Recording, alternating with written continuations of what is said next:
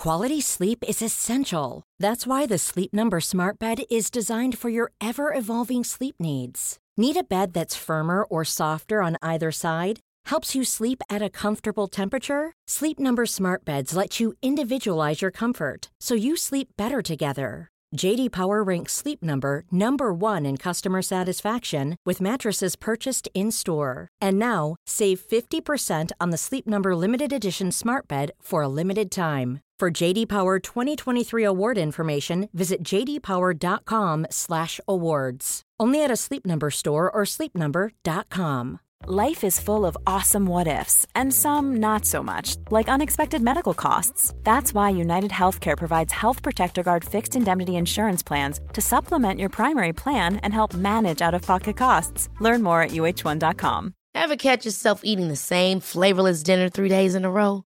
Dreaming of something better? Well, HelloFresh is your guilt free dream come true, baby. It's me, Gigi Palmer.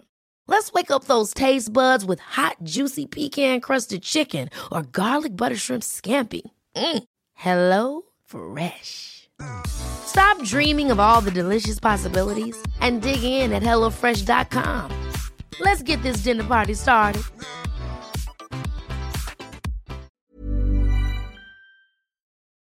Den 9 april 2003 tog polisen i Syracuse emot ett larmsamtal om att en 16-årig kvinna hade kidnappats och hållits fången i en underjordisk bunker i drygt sex månader. Den här unga kvinnan var ett av kidnapparen och våldtäktsmannen John Jamelskis offer. Hon skulle också komma att bli hans sista offer och lyckades den här dagen sätta stopp för en mardröm som pågått i totalt 15 års tid. En mardröm som för alltid kommer att finnas kvar i minnet hos fem oskyldiga kvinnor.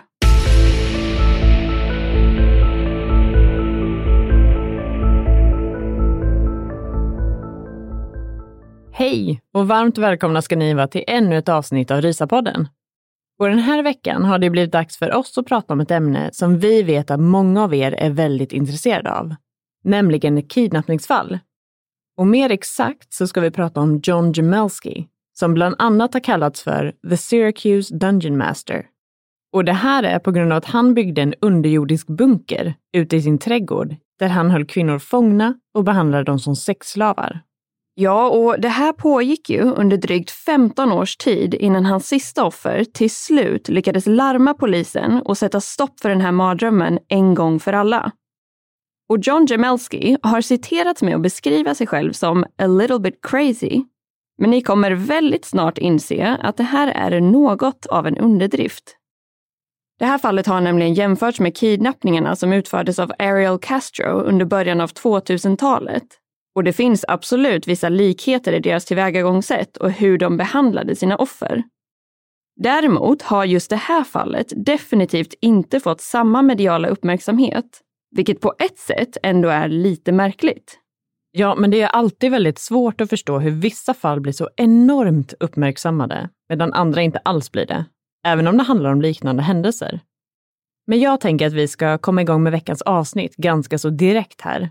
Men innan dess vill vi bara passa på att varna för att det här fallet inkluderar sexuellt våld och andra typer av övergrepp. Och i vanlig ordning så kommer vi inte att gå in på några detaljer, men det är ändå värt att nämna om man inte vill ta del av den typen av information. Men med det sagt så tycker jag att vi sätter igång med själva fallet kring John Jamelski, också känd som The Syracuse Dungeon Master.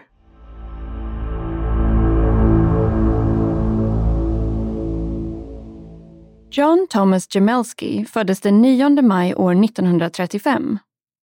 Han växte upp i det lilla samhället Fayetteville som ligger precis intill staden DeWitt det här är en förort till den betydligt större staden Syracuse och tillhör delstaten New York i USA. John var ensam barn och växte upp tillsammans med sin pappa, som också hette John, och sin mamma Wanda. Under sin skoltid uppges John ha varit väldigt blyg och tystlåten. Han hade inte speciellt många vänner och blev ofta retad eftersom att han hade stora problem med akne som tonåring. Utöver det brukade hans skolkamrater kalla honom för germs, det vill säga det engelska ordet för bakterier.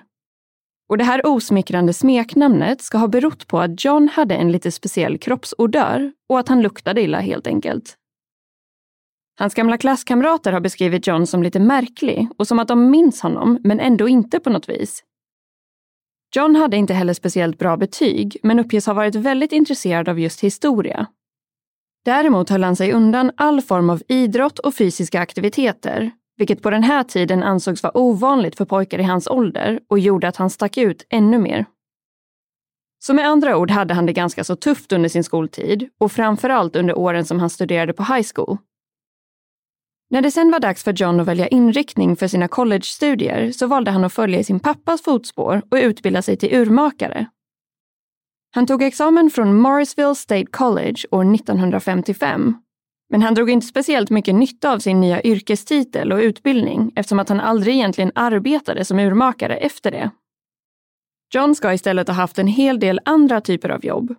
Bland annat arbetade han på ett par olika matbutiker, men även som hantverkare och snickare. I september 1959, när John alltså var 24 år gammal, så gifte han sig med sin flickvän Dorothy Richmond. Hon arbetade som grundskollärare och paret fick senare tre söner tillsammans. Under deras uppväxt så brukade John berätta historier från sin ungdom och high school-tid för sina söner. Han valde dock att justera sanningen en hel del i de här berättelserna eftersom versionen de fick höra var att han hade varit en av de mest populära killarna i skolan och att tjejerna i princip stod på kö för att få dejta honom.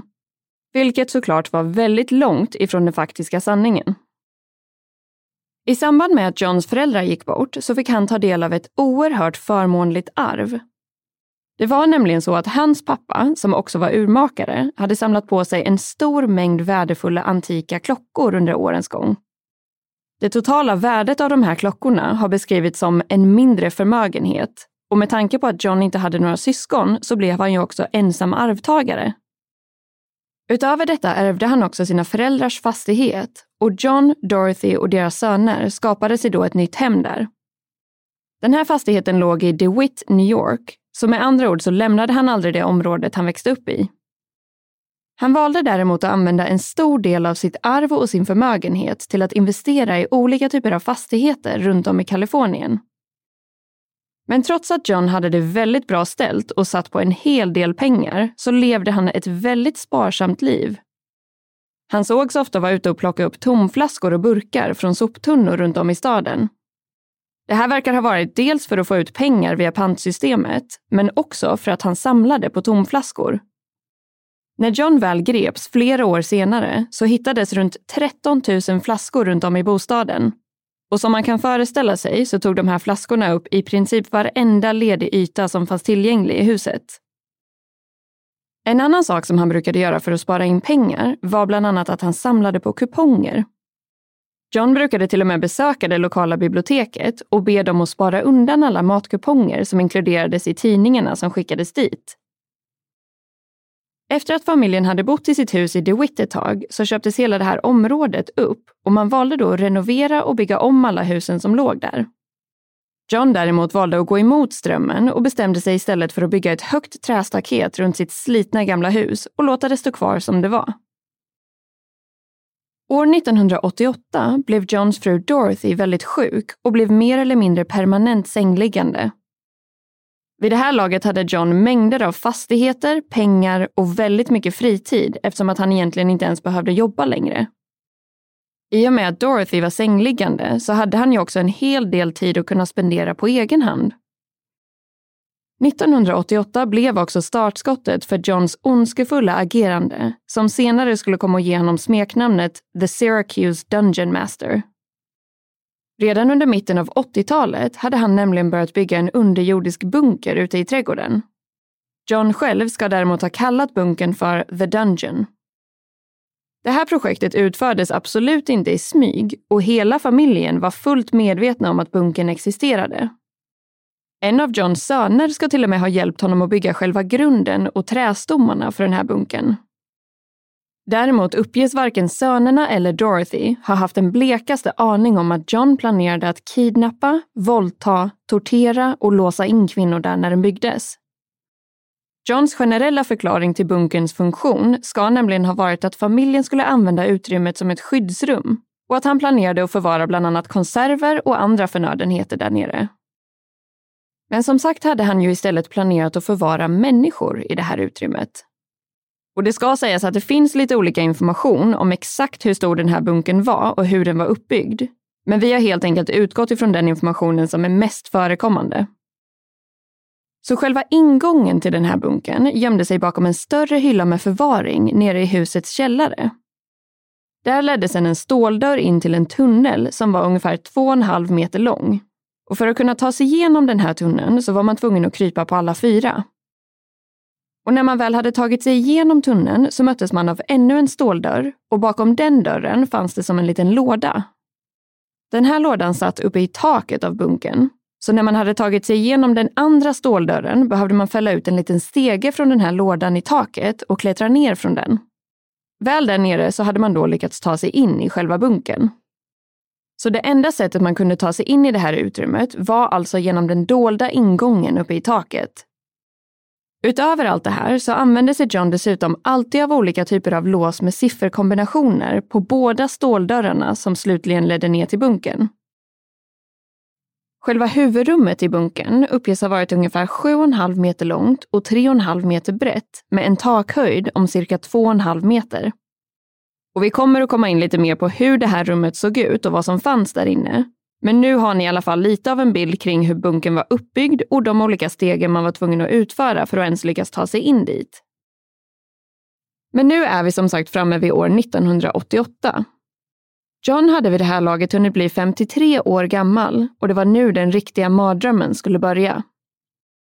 I oktober 1988 så kidnappade nämligen John sitt allra första offer, en tjej som bara var 14 år gammal. För att skydda offrens identitet i det här fallet så har man valt att åtminstone försöka hålla deras namn konfidentiella. Och därför kommer vi istället att använda oss av de pseudonymer som finns tillgängliga för att beskriva vilka de här kvinnorna var. Och den här 14-åriga tjejen som tragiskt nog blev Johns första offer kallas oftast för Kirsten. Hon blev överrumplad av John när hon var ute och gick och han ska då ha tvingat in henne i en bil och snabbt kört iväg. Med andra ord hade hon ingen möjlighet att försvara sig eller ens hinna förstå vad det var som pågick. Så helt plötsligt befann hon sig i fångenskap hos en främmande man. Enligt vissa källor ska John till en början ha förvarat Kirsten längst ner i en brunn som låg i anslutning till familjens bostad. Därefter ska han ha färdigställt sin bunker och valt att flytta ner henne dit istället. Väl där låste han fast henne med en fotboja som satt fast i en kedja och våldtog henne mer eller mindre varje dag. Kirsten ska dessutom ha varit livrädd för att göra någon form av motstånd eller försöka ta sig ur det här fångenskapet eftersom att John hotade med att skada eller till och med döda hennes lillebror om hon någonsin försökte fly. Det är däremot lite oklart hur han ens visste om att hon hade en lillebror, eftersom det verkade som att det hade varit en ren tillfällighet och extrem otur som gjorde att just Kirsten blev Johns första offer. Utöver våldtäkterna tvingades Kirsten också leva i de förnedrande och vidriga förhållandena som rådde nere i bunkern hon fick bland annat sova på en tunn skumgummimadrass som låg direkt på det kalla cementgolvet. Den toaletten som fanns tillgänglig bestod av en gammal stol med ett hål i sittdelen och en hink under. I mitten av rummet stod ett gammalt, smutsigt och slitet badkar på ett lite upphöjt trädäck. Det fanns ingen egentlig kran på badkaret, utan vattnet kom istället in genom en trädgårdsslang det fanns inte heller någon ordentlig lösning för själva avloppet, utan bara ett hål i badkaret där vattnet kunde rinna ut genom. Så när det smutsiga badkarsvattnet tömdes så rann det inte ut i något avlopp, utan det hamnade istället på golvet. Sen fick vattnet ligga kvar där tills dess att det hade avdunstat och som man kan föreställa sig gjorde det här att rummet hela tiden fylldes på med illaluktande fukt och mögel. I rummet fanns det också ett gammalt kylskåp, en mikro och en hylla med en klockradio och lampa på. Själva värmen i bunkern kom från ett aluminiumrör som pumpade in luft som kom från någon form av gaspanna eller värmepump uppe i fastigheten. Ingången för det här röret satt uppe vid taket på en av väggarna. Precis intill fanns det också en lång förlängningssladd som i sin tur förde in elektricitet i bunkern. Efter att Kirsten hade levt i fångenskap i lite mer än två år så bestämde sig John för att han var klar med henne och att det var dags att lämna tillbaka henne till sin familj. Hon var alltså 14 år gammal när han kidnappade henne och när hon väl blev frisläppt hade hon hunnit fylla 17 och året var 1990. John satte på henne en ögonbindel för att hon inte skulle förstå vart hon hade befunnit sig och i vilket område bunken låg. Därefter körde han hem henne och åkte sedan därifrån. Innan det här hände så var han dock väldigt tydlig med att han skulle mörda både henne och resten av hennes familj om hon kontaktade polisen eller ens pratade om vad som hade hänt henne under de här åren. Och tragiskt nog så fick han också sin vilja igenom. Kirsten och hennes familj valde nämligen att inte berätta för den lokala polisen om vad som hade hänt. Utöver det uppenbara dödshotet så är det inte helt tydligt varför de aldrig kontaktade polisen. Men det är inte svårt att föreställa sig att det var på grund av att de inte litade på polisen och att de ens skulle kunna hjälpa till. Det var nämligen så att när Kirstens familj anmälde henne som försvunnen i oktober 1988 så ska polisen bara ha sagt att hon säkert valde att rymma hemifrån. Och de ska i princip inte ha lyft ett enda finger för att försöka hitta henne. Så familjen valde helt enkelt att bara försöka gå vidare med sina liv nu när de äntligen hade fått tillbaka Kirsten efter mer än två år av ovisshet. Fem år efter det här, alltså 1995, så kidnappade John sitt andra offer. Och av någon anledning verkar det finnas en del förvirring kring om det var 1995 eller 1996. Men enligt de allra flesta källorna så var det i mars 1995. Det här var ännu en 14-årig tjej som vi kommer att kalla för Michelle. Hon hade rymt hemifrån när hon plötsligt råkade träffa på John ute på stan. Han förklarade då för Michelle att han behövde hjälp med att leverera ett hemligt paket och att det behövde vara anonymt. Han frågade om hon kanske kunde hjälpa honom med det här och lovade att hon skulle få väldigt bra betalt om hon kunde utföra den här viktiga tjänsten. Michelle som var på rymmen tänkte då att det här lät som en riktigt bra deal och såg därför fram emot att tjäna in lite pengar. Hon hoppade därför in i Johns bil och därefter åkte de iväg till hans bostad och till den gömda bunkern som dolde sig långt ner under trädgården på baksidan. Under bilresan dit ska John ha sagt till Michelle att hon var tvungen att luta sig ner i sätet så att ingen skulle se henne eftersom att det här var ett så pass hemligt paket som hon skulle leverera. På det här viset säkerställde han ju också att hon inte skulle ha den blekaste aning om vart han faktiskt körde henne. När de väl kom fram sa John att paketet låg inne i hans källare och att hon behövde gå in dit och hämta det. Michelle gick därför frivilligt men ovetandes in i bunkern och därefter stängde John in henne och höll henne fången i drygt två år. Under den här tiden fick hon utstå en liknande tillvaro som Kirsten. John kontrollerade henne in i minsta detalj och våldtog henne i princip varje dag. När han väl hade tröttnat på Michelle så bestämde han sig för att släppa henne fri också. Precis som med Kirsten satte han på henne en ögonbindel innan han körde iväg henne från bostaden i DeWitt och in till centrala Syracuse. Väl där släppte han sedan av henne och hotade i vanlig ordning med att mörda både Michelle och hennes familj om hon kontaktade polisen eller berättade vad hon hade varit med om. Och återigen finns det en del motsägelsefull information här och det är specifikt gällande vad som hände efter att hon hade blivit frisläppt. Enligt vissa källor ska Michelle nämligen inte ha kontaktat polisen överhuvudtaget, medan andra källor uppger att hon visst gjorde det och att hon i detalj kunde beskriva hur hennes kidnappare såg ut i sitt vittnesmål. Men polisen ska senare ha fått reda på att hon hade hållit på en del med droger och av den anledningen ansåg de att hon inte kunde ses som en trovärdig källa de valde därför att ogiltigförklara hennes vittnesmål och lägga ner hela utredningen. Så om det här nu stämmer så är det ju fruktansvärt skrämmande. Men med tanke på hur polisen faktiskt agerar framöver i det här fallet så känns det här faktiskt som något som skulle ha kunnat hända. För det här verkar nämligen inte vara den mest kompetenta polisstyrkan, så att säga. Under flera veckor efter att Michelle hade blivit frisläppt så uppges hon också ha sett John köra förbi utanför familjens hem i syfte att försöka hålla koll på henne och göra henne påmind om känslan av att leva i konstant skräck. Ganska så direkt efter att han hade släppt iväg Michelle så hade det blivit dags för Johns tredje offer. Här bröt han sitt tidigare mönster av att kidnappa just tonåringar och istället blev det en 53-årig kvinna som blev hans nästa offer så hon var alltså drygt tio år yngre än vad han själv var vid den här tidpunkten. Och den här kvinnan kommer vi att kalla för Tina. Hon var från Vietnam och hade väldigt begränsade kunskaper när det kom till det engelska språket. I slutet av augusti 1997 så blev hon kidnappad av John efter att han hade grabbat tag i henne på gatan och tvingat in henne i sin bil. John körde sedan iväg Tina till ett övergivet gammalt hus där han våldtog henne. Därefter band han fast henne i bilen och körde hem till bostaden i DeWitt och tvingade ner henne i bunkern. Även Tina blev våldtagen i princip varje dag under perioden i fångenskap. Vid ett tillfälle uppges han också ha slagit henne så pass hårt att han spräckte hennes trumhinna i örat. Till skillnad från hans tidigare offer så tvingades Tina också till att utföra diverse hushållssysslor åt John. Då och då ska han också ha tvingat henne att sjunga för honom eftersom att han tyckte att det var så himla trevligt. Han valde också att flytta ner en tv i bunkern vid den här tidpunkten. Något som han själv ansåg var väldigt generöst och vänligt gjort. I en intervju med Tina skriven av tidningen The New York Post så uttalar hon sig om tortyren som hon fick genomlida under sin tid i bunkern. Vid ett tillfälle ska John bland annat ha åkt iväg i ungefär två veckor och då bara lämnat en varmkorv och lite vatten till henne att klara sig på. Samtliga offer ska ha fått extremt dåligt med mat under tiden i fångenskap och många gånger blev det bara ett mål om dagen, om ens det. Bara ett par dagar efter att Tina försvann så anmäldes hon som försvunnen hos polisen av sin partner. Men de ska då inte haft några spår att gå på och den här utredningen ledde därför inte heller någon vart. Efter att ha hållit henne fängslad nere i bunkern under drygt tio månader så tyckte John att det var dags att gå vidare.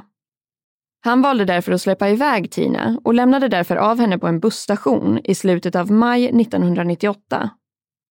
I samband med det här så gav han henne 50 dollar för att hon skulle kunna köpa sig en biljett och ta sig hem igen. Och man kan ju bara föreställa sig hur ont det måste ha gjort i henne att faktiskt behöva ta emot de här pengarna från en person som torterat henne, våldtagit henne och hållit henne fången under nästan ett års tid. Det finns inga direkta uppgifter om att han ska ha dödshotat Tina på samma sätt som de tidigare offren. Hon valde att kontakta polisen så fort hon bara kunde efter att hon hade blivit frisläppt. Och här har polisen och Tina två olika stories om vad som hände efter att hon hade gjort sin anmälan.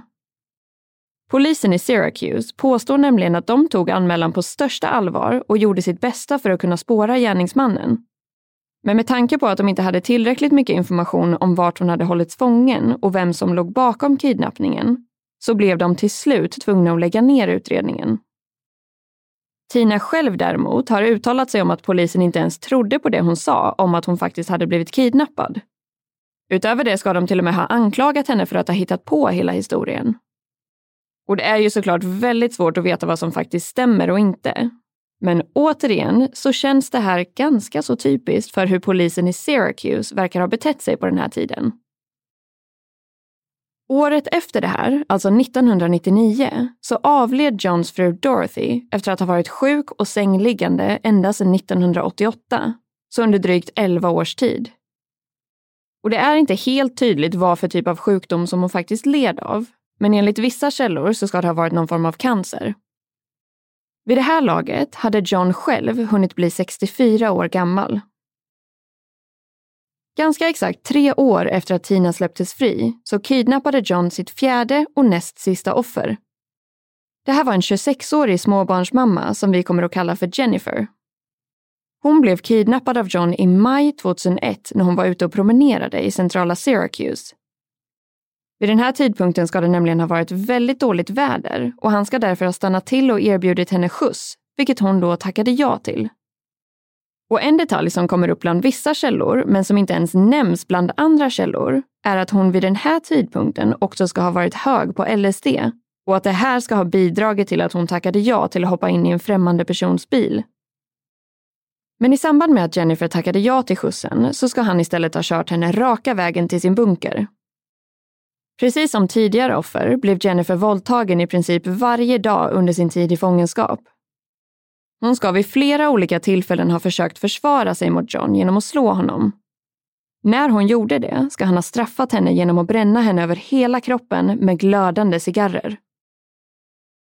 John ska också ha manipulerat Jennifer genom att säga att han var en del av ett trafficking-nätverk eller en människohandelsorganisation och att polisen inte bara var medvetna om det här, utan att de också var en del av nätverket.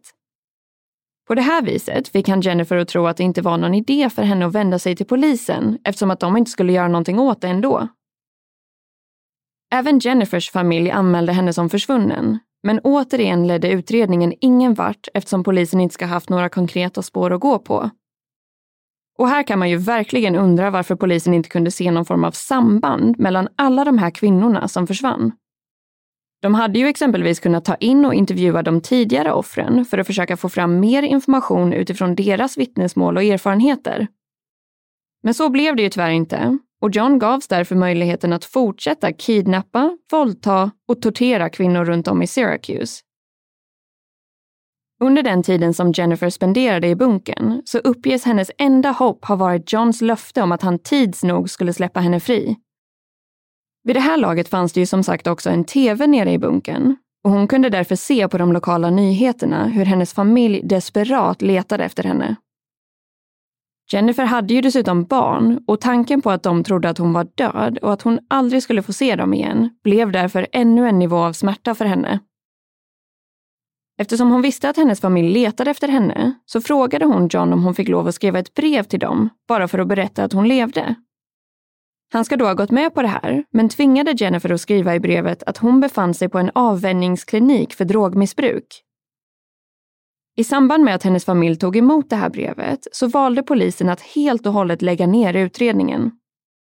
Hennes familj ska nämligen ha bekräftat att det var Jennifers handstil och hennes typiska sätt att uttrycka sig på i brevet, även om de troligtvis inte var övertygade om att innehållet stämde.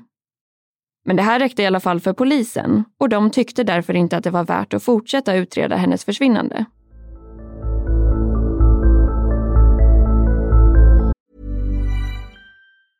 Even when we're on a budget we still deserve nice things.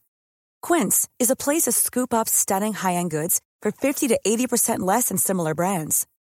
They have buttery soft cashmere sweaters starting at $50, luxurious Italian leather bags and so much more. Plus, Quince only works with factories that use safe, ethical, and responsible manufacturing. Get the high-end goods you'll love without the high price tag with Quince. Go to quince.com/style for free shipping and 365-day returns. Quality sleep is essential. That's why the Sleep Number Smart Bed is designed for your ever-evolving sleep needs. Need a bed that's firmer or softer on either side? Helps you sleep at a comfortable temperature? Sleep Number Smart Beds let you individualize your comfort so you sleep better together. JD Power ranks Sleep Number number 1 in customer satisfaction with mattresses purchased in-store. And now, save 50% on the Sleep Number limited edition Smart Bed for a limited time. For JD Power 2023 award information, visit jdpower.com/awards. Only at a Sleep Number store or sleepnumber.com.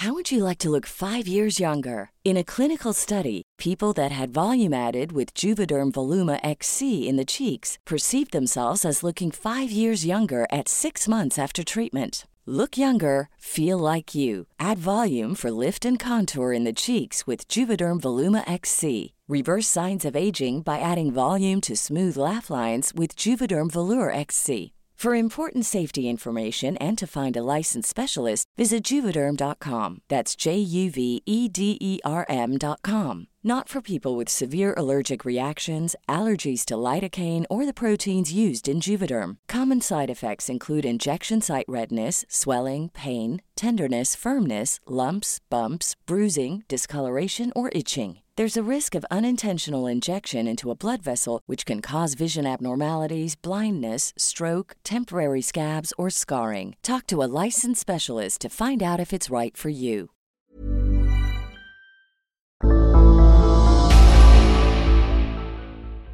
I en intervju med The New York Post så uttalar sig Jennifer om att hon kände för att döda John varje dag som hon befann sig nere i bunkern. Hon funderade faktiskt på att genomföra den här handlingen. Men i och med att hon inte visste hur, eller ens om, hon kunde komma ut ur bunkern på egen hand, så kändes det väldigt riskabelt. Till slut började hon att misstänka att hon aldrig någonsin skulle släppas fri igen. Men helt plötsligt så kom den dagen som hon hade väntat på och drömt om. Precis som med tidigare offer så satte John på henne en ögonbindel. Därefter körde han Jennifer till hennes mammas adress. Hon ska däremot inte ha uppgett adressen och visste därför inte hur han hade fått tag i den informationen. I samband med att hon lämnade bilen och tog av sig ögonbinden så ska det enligt uppgift ha tagit henne ganska lång tid innan hon insåg att hon faktiskt stod framför sin mammas hus. Jennifer spenderade totalt två månader inlåst i bunkern. Efter att hon blev frisläppt så kontaktade hon polisen på en gång. Men i och med att hon hade skickat det här brevet om att hon hade varit på en avvänjningsklinik så ska de ha varit ganska så skeptiska gentemot hennes nya vittnesmål om att hon hade blivit kidnappad. Och återigen så är det ju helt ofattbart hur polisen bara kan avvisa alla de här kvinnorna utan att lyfta ett enda finger för att försöka ta reda på om det låg någon sanning i deras uttalanden eller inte. För vid det här laget så var det ändå flera kvinnor i samma geografiska område som hade hört av sig till polisen och berättat att de blivit kidnappade och inlåsta nere i en bunker. Troligtvis kunde de kvinnorna som kontaktat polisen också beskriva hur John såg ut.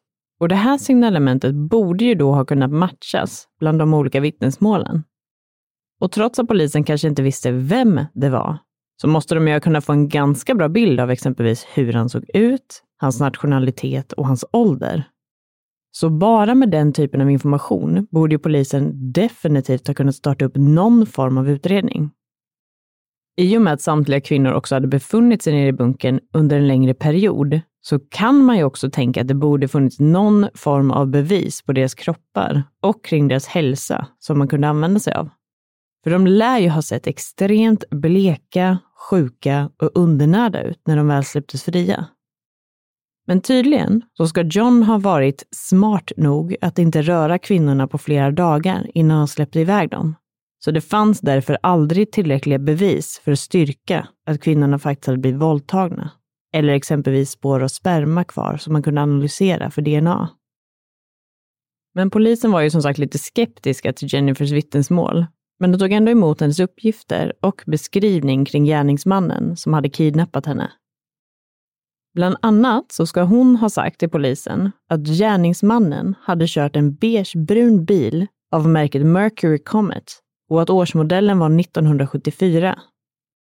De sökte sedan igenom alla registrerade bilar i området av just den här färgen, märket och årsmodellen och hittade då en enda matchning. Men när ägaren till den bilen inte kunde kopplas till fallet så ska polisen helt enkelt ha lagt ner utredningen. De ska alltså inte ha sökt på någon annan färg eller årsmodell av den här bilen, utan bara just beigebruna Mercury Comet-bilar från år 1974. Den här typen av bil producerades mellan åren 1971 och 1977. Så med andra ord kunde det egentligen ha varit ett helt annat år. För även om Jennifer trodde att det var just den färgen och årsmodellen så är det ju såklart fullt rimligt och väldigt sannolikt att hon antingen skulle ha kunnat se fel eller bara råkat se fel till polisen. Men de kollade som sagt inga andra kombinationer av liknande färger eller andra potentiella årsmodeller. Så det här är ju återigen en bekräftelse på hur pass lite polisen verkade bry sig om att försöka lösa det här fallet. Det visade sig nämligen senare att den bilen som John hade kört vid tidpunkten för Jennifers kidnappning faktiskt hade varit en beigebrun Mercury Comet, men av årsmodell 1975 och inte 1974 som hon hade uppgett till polisen. Så det är ju helt otroligt att hon ens lyckades komma ihåg så pass mycket detaljer kring hans bil men trots det så misslyckas polisen, bara för att de inte ens bemödade sig med att dubbelkolla andra årsmodeller också. Med andra ord så känns det ju nästan som att de motarbetade utredningen snarare än tvärtom. Och som om det här inte var tillräckligt illa så uttalade sig talespersonen för polisen i Syracuse om den här detaljen i programmet NBC Dateline efter Johns gripande. De hade då mage att sitta och säga i tv att Jennifer inte precis hade hjälpt sin egen utredning på traven genom att skicka det här tidigare nämnda brevet till sin familj. Utöver det så skyllde de på henne för att hon hade gett polisen felaktig information gällande årsmodellen på bilen. Så ja, det här är ju verkligen motsatsen till vettigt, kompetent och hederligt polisarbete. Och man kan ju inte ens föreställa sig hur frustrerande och förnedrande det måste varit för Jennifer och hennes familj att se det här inslaget efteråt. I oktober 2002, drygt ett år efter att Jennifer släpptes fri, så kidnappade John sitt femte och sista offer. En 16-årig tjej från Syracuse som kallas för Micah.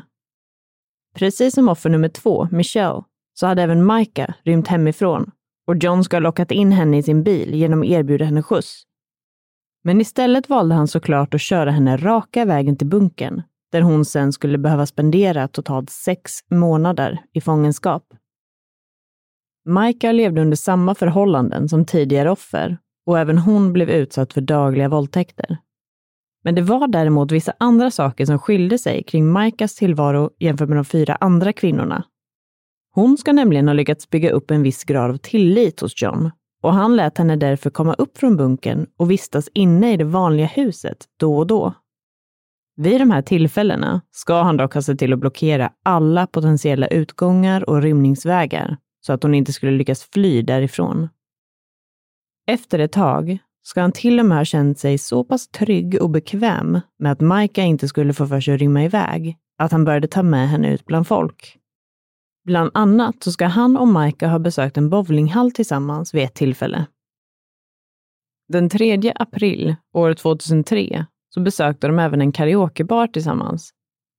I och med att Maika var 16 år gammal och John var 68 så ska de ha fått en hel del frågande blickar från andra besökare på baren. Däremot ska ingen på något vis ha ifrågasatt vem hon var och varför de var där tillsammans. Det här måste ha gett honom lite mer självförtroende i att ta med henne utanför hemmet.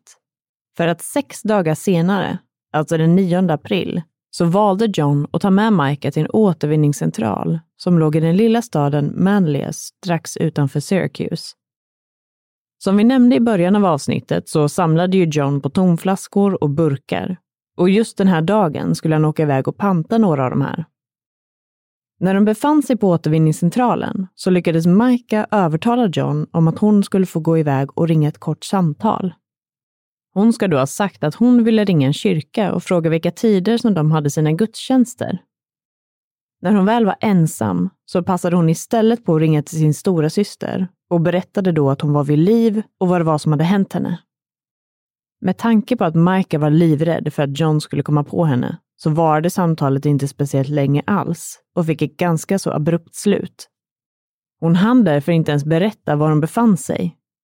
Men kort efter att de hade lagt på så ringde hennes syster upp det senast ringda numret igen och hamnade då hos återvinningscentralen. Hon förklarade situationen för den kvinnliga medarbetaren som svarade i telefonen och sa åt henne att larma polisen med en gång, vilket hon då gjorde.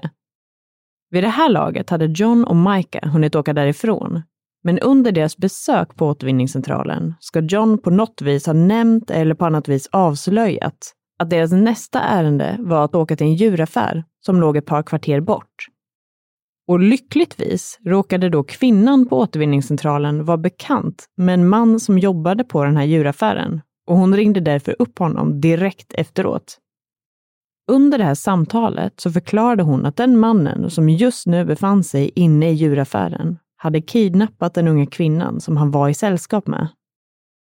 Den anställda på djuraffären valde dock att ligga lågt och konfronterade inte John under besöket, utan han ringde istället till polisen samma sekund som de lämnade affären. Maikas syster hade nu hunnit köra till återvinningscentralen för att prata med polisen och kvinnan som hade svarat i telefon. Under deras samtal så ringde hennes mobil igen och det var då Maika som återigen hade lyckats smyga iväg för att ringa. Dessvärre visste hon inte exakt var hon befann sig, så hon försökte istället att beskriva sin omgivning bäst hon kunde och berättade om allt hon kunde se.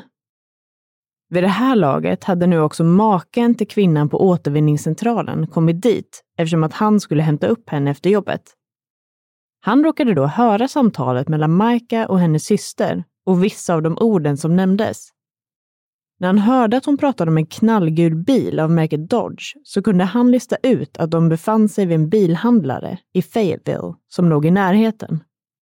Han hade nämligen, sjukt nog, passerat den här bilhandlaren ganska så nyligen och hade då lagt märke till just den där knallgula bilen.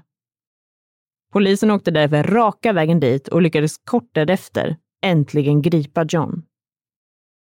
Efter gripandet så godkändes en husrannsakan och polisen sökte därefter noggrant igenom hela hans fastighet. Det dröjde sedan inte allt för länge innan de hittade ner till den gömda bunkern under hans trädgård.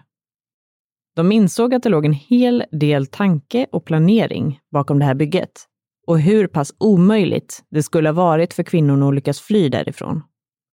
Om någon av dem hade lyckats döda John så skulle det troligtvis ha lett till deras egna död kort därefter i och med att han hade installerat kodlås på samtliga dörrar som ledde ner till tunneln. Synen av den smutsiga madrassen på cementgolvet, det slitna gamla badkaret och hinken som användes som toalett bekräftade misären som de här kvinnorna faktiskt hade tvingats leva i. Runt om på cementväggarna nere i bunkern hade John också skrivit diverse fraser och meningar i olika färger. På en av väggarna stod frasen “Wall of Thugs” och just den här detaljen hade det fjärde offret, Jennifer, angett i sitt tidigare vittnesmål till polisen. Över den dolda ingången till bunkern hängde också ett krucifix. Under det hade John skrivit frasen “Peace to all who enter here” i röd text. Polisen valde också att ta in utrustning för att söka igenom marken under fastigheten med radar. Syftet med det här var att utesluta möjligheten att det låg kroppar begravda där, vilket det då inte gjorde. Man vände också upp och ner på allt inne i huset för att samla in bevismaterial. Och enligt uppgift så ska Johns hem ha varit fullt av prylar. Och det blev allt mer uppenbart att han hade levt som något av en systematisk samlare. Bland annat hittade de vid den här tidpunkten alla de 13 000 tomflaskor och burkar som han hade samlat ihop. Utöver det hade han också sparat till synes oviktiga saker som tidningar och kvitton som sträckte sig över drygt två decennier. I samband med genomsökningen hittade man också flera olika kalendrar där dagarna hade blivit markerade med bokstäverna B, S eller T Polisen insåg senare att det här var på grund av att Johns offer hade blivit tvingade att markera de här bokstäverna för att de skulle hålla ordning på vilka aktiviteter som hade skett under vilken dag.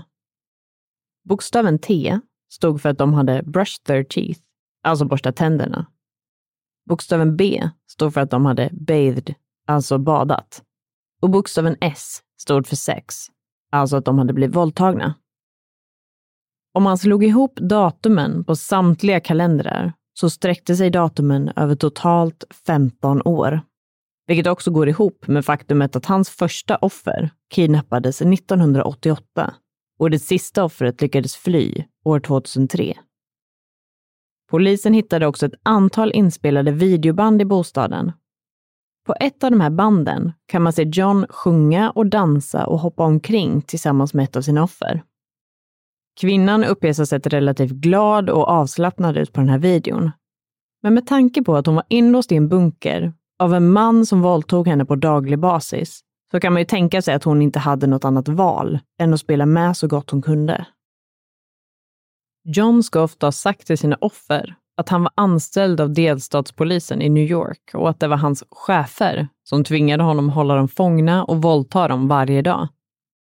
Han brukade också visa upp en falsk polisbricka som han hade hittat på gatan flera år tidigare för att ytterligare styrka upp det här argumentet.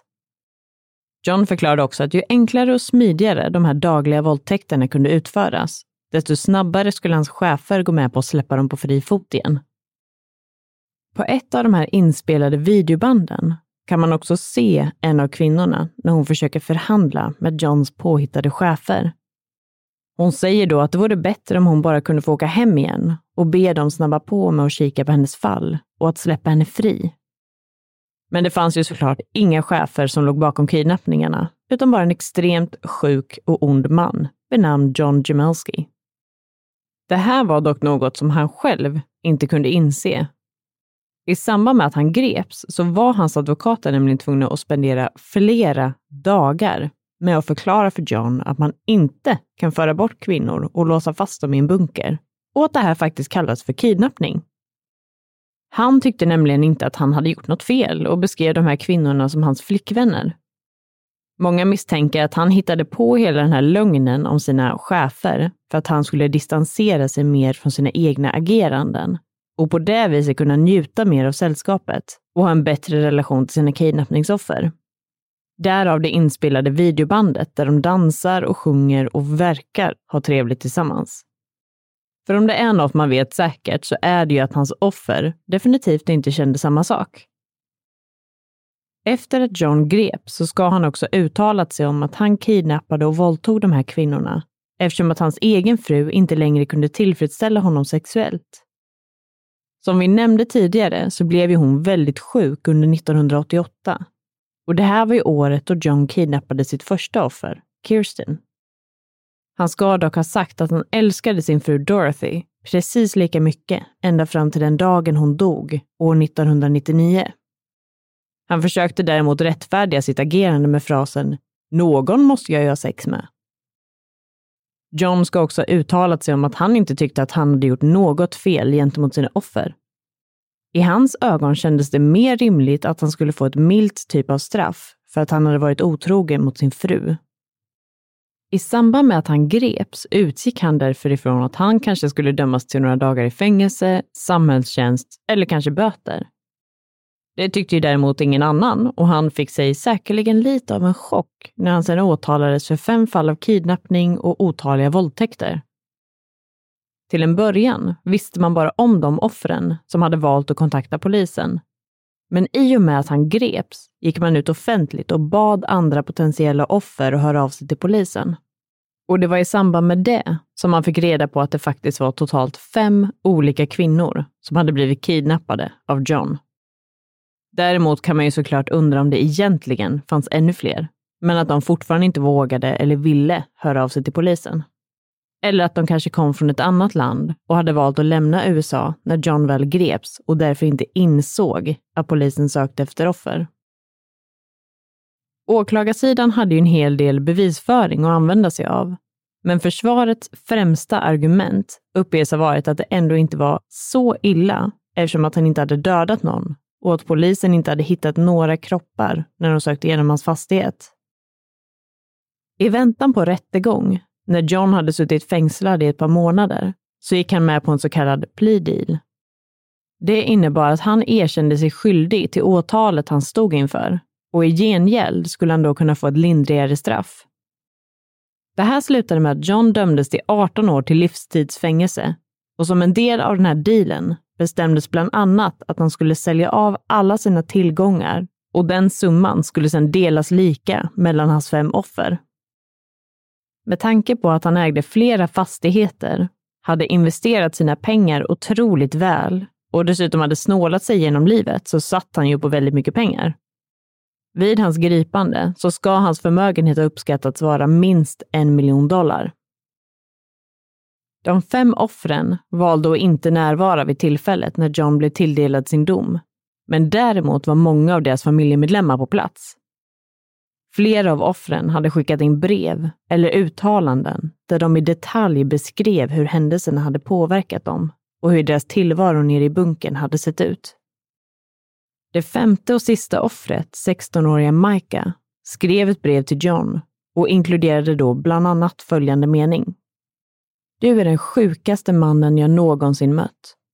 Varje gång du närmade dig dörren så vill jag döda dig. I samband med de här uttalandena ska John ha börjat gråta och bett om ursäkt för vad han hade gjort och hur hans agerande hade påverkat alla inblandade. Domaren Anthony Alloy köpte dock inte det här känslomässiga utspelet och framförde att han innerligt hoppades att John skulle dö i fängelse. Domaren ska också ha gjort ett riktat uttalande till John i samband med att han tilldelades själva domen. Han sa då följande. You are a sick coward. You are an evil man. You are a kidnapper and a rapist. A master manipulator of people and the truth. But your reign of terror is over. Och den här typen av citat blir ju aldrig riktigt samma sak på svenska, men om man ska försöka att översätta det lyder det ungefär så här. Du är sjuk och feg. Du är en ond man. Du är en kidnappare och våldtäktsman och en mästare på att manipulera människor såväl som sanningen. Men din tid av terror är nu över. Som vi var inne på tidigare så finns det inga officiella misstankar om att Johns fru Dorothy eller någon av deras söner ska ha haft den blekaste aning om vad det var som faktiskt försiggick nere i bunkern de trodde som sagt att det här var ett skyddsrum och en av sönerna har uttalat sig om att hans pappa alltid hade varit väldigt excentrisk som person och att det var typiskt honom att starta upp lite knasiga och udda typer av projekt. Som exempelvis att bygga en bunker under baksidan av familjens trädgård. Däremot finns det såklart en hel del personer som anser att det känns både ofattbart och rent av orimligt att de aldrig någonsin ska ha anat att saker och ting inte stod rätt till under alla dessa år. Utifrån skicket på Johns bostad under polisens husrannsakan så bedömde man ju som sagt att han med största sannolikhet var något av en systematisk samlare. Den ansvariga åklagaren i det här fallet har uttalat sig om att det här eventuellt kan ha varit någonting som John också applicerade på vilka offer han valde ut. Det var nämligen så att samtliga fem kvinnor var av olika etniciteter. Det första offret, 14-åriga Kirsten, beskrivs som native american, alltså amerikansk ursprungsbefolkning. Det andra offret, 14-åriga Michelle, var av latinamerikanskt ursprung. Det tredje offret, 53-åriga Tina, var som sagt asiat och från Vietnam. Det fjärde offret, 26-åriga Jennifer, var vit och det femte och sista offret, 16-åriga Micah, var svart. Med det i åtanke så uttalade sig åklagaren om att han absolut inte trodde att det här var en slump, utan att John utifrån sitt minst sagt störda perspektiv hade sett de här kvinnorna som någon form av samlarobjekt. En sak som samtliga fem offer hade gemensamt var faktumet att de tvingades genomlida ett rent helvete nere i den här bunkern och att deras liv för alltid kommer vara förändrade och på många vis förstörda av det de fick utstå. Först fick de ju uppleva ett typ av helvete nere i bunkern och när de väl kom upp och mirakulöst nog lyckades bli fria igen så möttes de istället av en helt annan typ av helvete. Nämligen att polisen inte trodde på dem eller av andra anledningar valde att inte gå vidare med deras anmälan och utredningar. För det måste ju ha varit så extremt tungt att lyckas ta sig igenom ett sånt typ av trauma och sen inte bli tagen på allvar eller få den hjälp man behöver och egentligen har rätt till. Men även om det dröjde allt för länge att få fast John, så kan man i alla fall känna sig relativt trygg i faktumet att han faktiskt kommer att dö i fängelset och därmed aldrig få möjligheten att kunna skada fler kvinnor under sin livstid. John var nämligen 68 år gammal år 2003 när han tilldelades domen, 18 år till livstid. Det här innebär att hans första möjlighet till villkorlig frigivning, alltså efter 18 år, blir just där vi befinner oss nu, 2021. John hade nämligen möjligheten att kunna bli villkorligt frigiven i april det här året och fick därför i början av december 2020 stå inför en jury tillsammans med sitt försvar för att motivera varför han skulle få släppas fri. I hans ansökan om att bli frigiven tidigare nämndes bland annat att John trots allt då och då hade behandlat offren någorlunda mänskligt när badkaret med en trädgårdsslang kom på tal så ska han ha velat addera att han faktiskt hade gett kvinnorna badskum ibland som de kunde använda när de skulle tvätta sig. Hans advokat tog återigen upp faktumet att han i alla fall inte hade mördat någon och att offren trots allt hade fått en väldigt stor ekonomisk kompensation efteråt. Utöver det nämndes Johns försämrade hälsa och att covid-19 utgjorde ett stort hot för hans överlevnad i fängelset. Som man kan ana så ansåg inte juryn att det här förändrade någonting och att John fortfarande inte verkade förstå hur pass mycket skada han faktiskt hade orsakat de fem kvinnorna. Den 22 december 2020 valde man därför att neka honom möjligheten till villkorlig frigivning. John Jamelski är idag 86 år gammal och sitter fängslad på Clinton Correctional Facility i det isolerade lilla samhället Dannemora i New York. Hans nästa möjlighet till att höras inför juryn för villkorlig frigivning är i nuläget schemalagd för december 2022.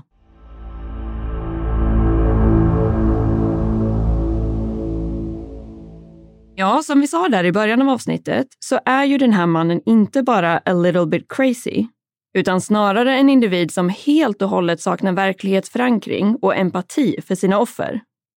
Och om man ska vara helt ärlig så hoppas man ju faktiskt att han inte ska klara sig ända fram till december 2022. Däremot känns det ju väldigt osannolikt att han skulle få släppas fri då, om han inte fick det den här gången. Nej, det är nog ingen större risk för att det skulle hända. Men som du säger så är han ju en väldigt speciell man. Och det mest skrämmande är ju nästan att han än idag inte verkar förstå att han har gjort något fel. En annan väldigt skrämmande tanke är ju också att det känns som att det bör finnas fler offer där ute. För om man utgår ifrån de fem kvinnorna som man vet om, så var det ibland flera år som passerade mellan vissa av dem. Och jag vet inte, men det känns ändå lite märkligt att han skulle ha låtit det gå så pass lång tid mellan offren, eftersom det inte verkar ha funnits någon specifik anledning till att pausa sitt agerande. Han verkar inte ha några direkta hinder som annars kan tänkas komma i vägen, som exempelvis arbete eller familj. Ja, man kan ju verkligen inte låta bli att undra om det kan ha funnits fler offer. Men att de av olika anledningar har valt att inte kontakta polisen eller träda fram med den här informationen. Som sagt var det ju kanske inte så lockande att kontakta polisen i Syracuse eftersom att de inte verkade ha den mest kompetenta styrkan vid den här tidpunkten. Nej, och det ska sägas att vi har tagit del av väldigt många fall där man absolut kan ifrågasätta polisens agerande. Men det här måste nog faktiskt vara bland de värsta. För den här polisstyrkan känns ibland så pass inkompetenta att det snarare verkar som att det handlade om någon form av korruption. Det finns ju bland annat vissa som har spekulerat kring om John faktiskt hade mutat någon eller några inom polisväsendet och att de därför aktivt försökte dölja faktumet att de här kidnappningarna ägde rum. Och som sagt är det ju bara vilda spekulationer. Men i vissa delar av deras arbete känns det nästan som att det skulle kunna vara sant. Bland annat när de slösade bort Jennifers vittnesmål av vilken typ av bil han körde, bara för att hon råkade säga 1974 istället för 1975. Och sen att de dessutom gick ut i media och skyllde på att det var hennes eget fel för att hon hade gett dem felaktig information. Snacka om att lägga över skulden på offret snarare än att ta ansvar och erkänna att man faktiskt gjorde misstag. Ja, och det är ju egentligen helt sjukt att de ens fick uttala sig så i det här tv-framträdandet. Men som vi ofta nämner så är det ju alltid väldigt enkelt att kritisera polisens arbete i efterhand och när man väl sitter på all information om vad som hände. För det är ju klart att det finns många olika faktorer som spelar in i de besluten som fattas. Men i just det här fallet går det verkligen inte att säga någonting annat än att de gjorde ett fruktansvärt dåligt jobb. Men som sagt får man i alla fall vara glad över att han troligtvis aldrig kommer släppas fri igen och att han till slut åkte fast tack vare den här otroligt modiga 16-åriga tjejen och hennes syster som lyckades larma polisen. Ja, och med den lilla summeringen så har det ju faktiskt blivit dags för oss att runda av den här veckans avsnitt. Men vi hoppas att ni har tyckt att det här var ett intressant fall att ta del av. Och ni får mer än gärna höra av er med andra typer av fall som ni önskar att vi ska ta upp i podden framöver. Och den enklaste vägen att nå oss är såklart via Facebook eller Instagram, där vi heter Rysapodden. Men i vanlig ordning är vi tillbaka igen redan nästa måndag. Och som alltid vill vi passa på att skicka med ett stort tack för att just du har valt att lyssna på det här avsnittet av Rysapodden.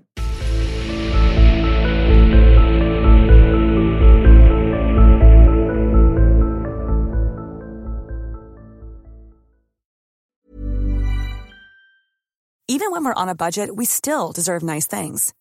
Quince is a place to scoop up stunning high-end goods for 50 to 80% less than similar brands. They have buttery soft cashmere sweaters starting at $50, luxurious Italian leather bags, and so much more. Plus, Quince only works with factories that use safe, ethical, and responsible manufacturing. Get the high-end goods you'll love without the high price tag with Quince. Go to quince.com/style for free shipping and 365-day returns. Ever catch yourself eating the same flavorless dinner three days in a row? Dreaming of something better? Well, HelloFresh is your guilt-free dream come true, baby. It's me, Gigi Palmer. Let's wake up those taste buds with hot, juicy pecan-crusted chicken or garlic butter shrimp scampi. Mm. Hello Fresh. Stop dreaming of all the delicious possibilities and dig in at HelloFresh.com. Let's get this dinner party started. Even when we're on a budget, we still deserve nice things. Quince is a place to scoop up stunning high-end goods for 50 to 80% less than similar brands. They have buttery soft cashmere sweaters starting at $50, luxurious Italian leather bags, and so much more. Plus, Quince only works with factories that use safe, ethical, and responsible manufacturing. Get the high-end goods you'll love without the high price tag with Quince. Go to quince.com/style for free shipping and 365-day returns.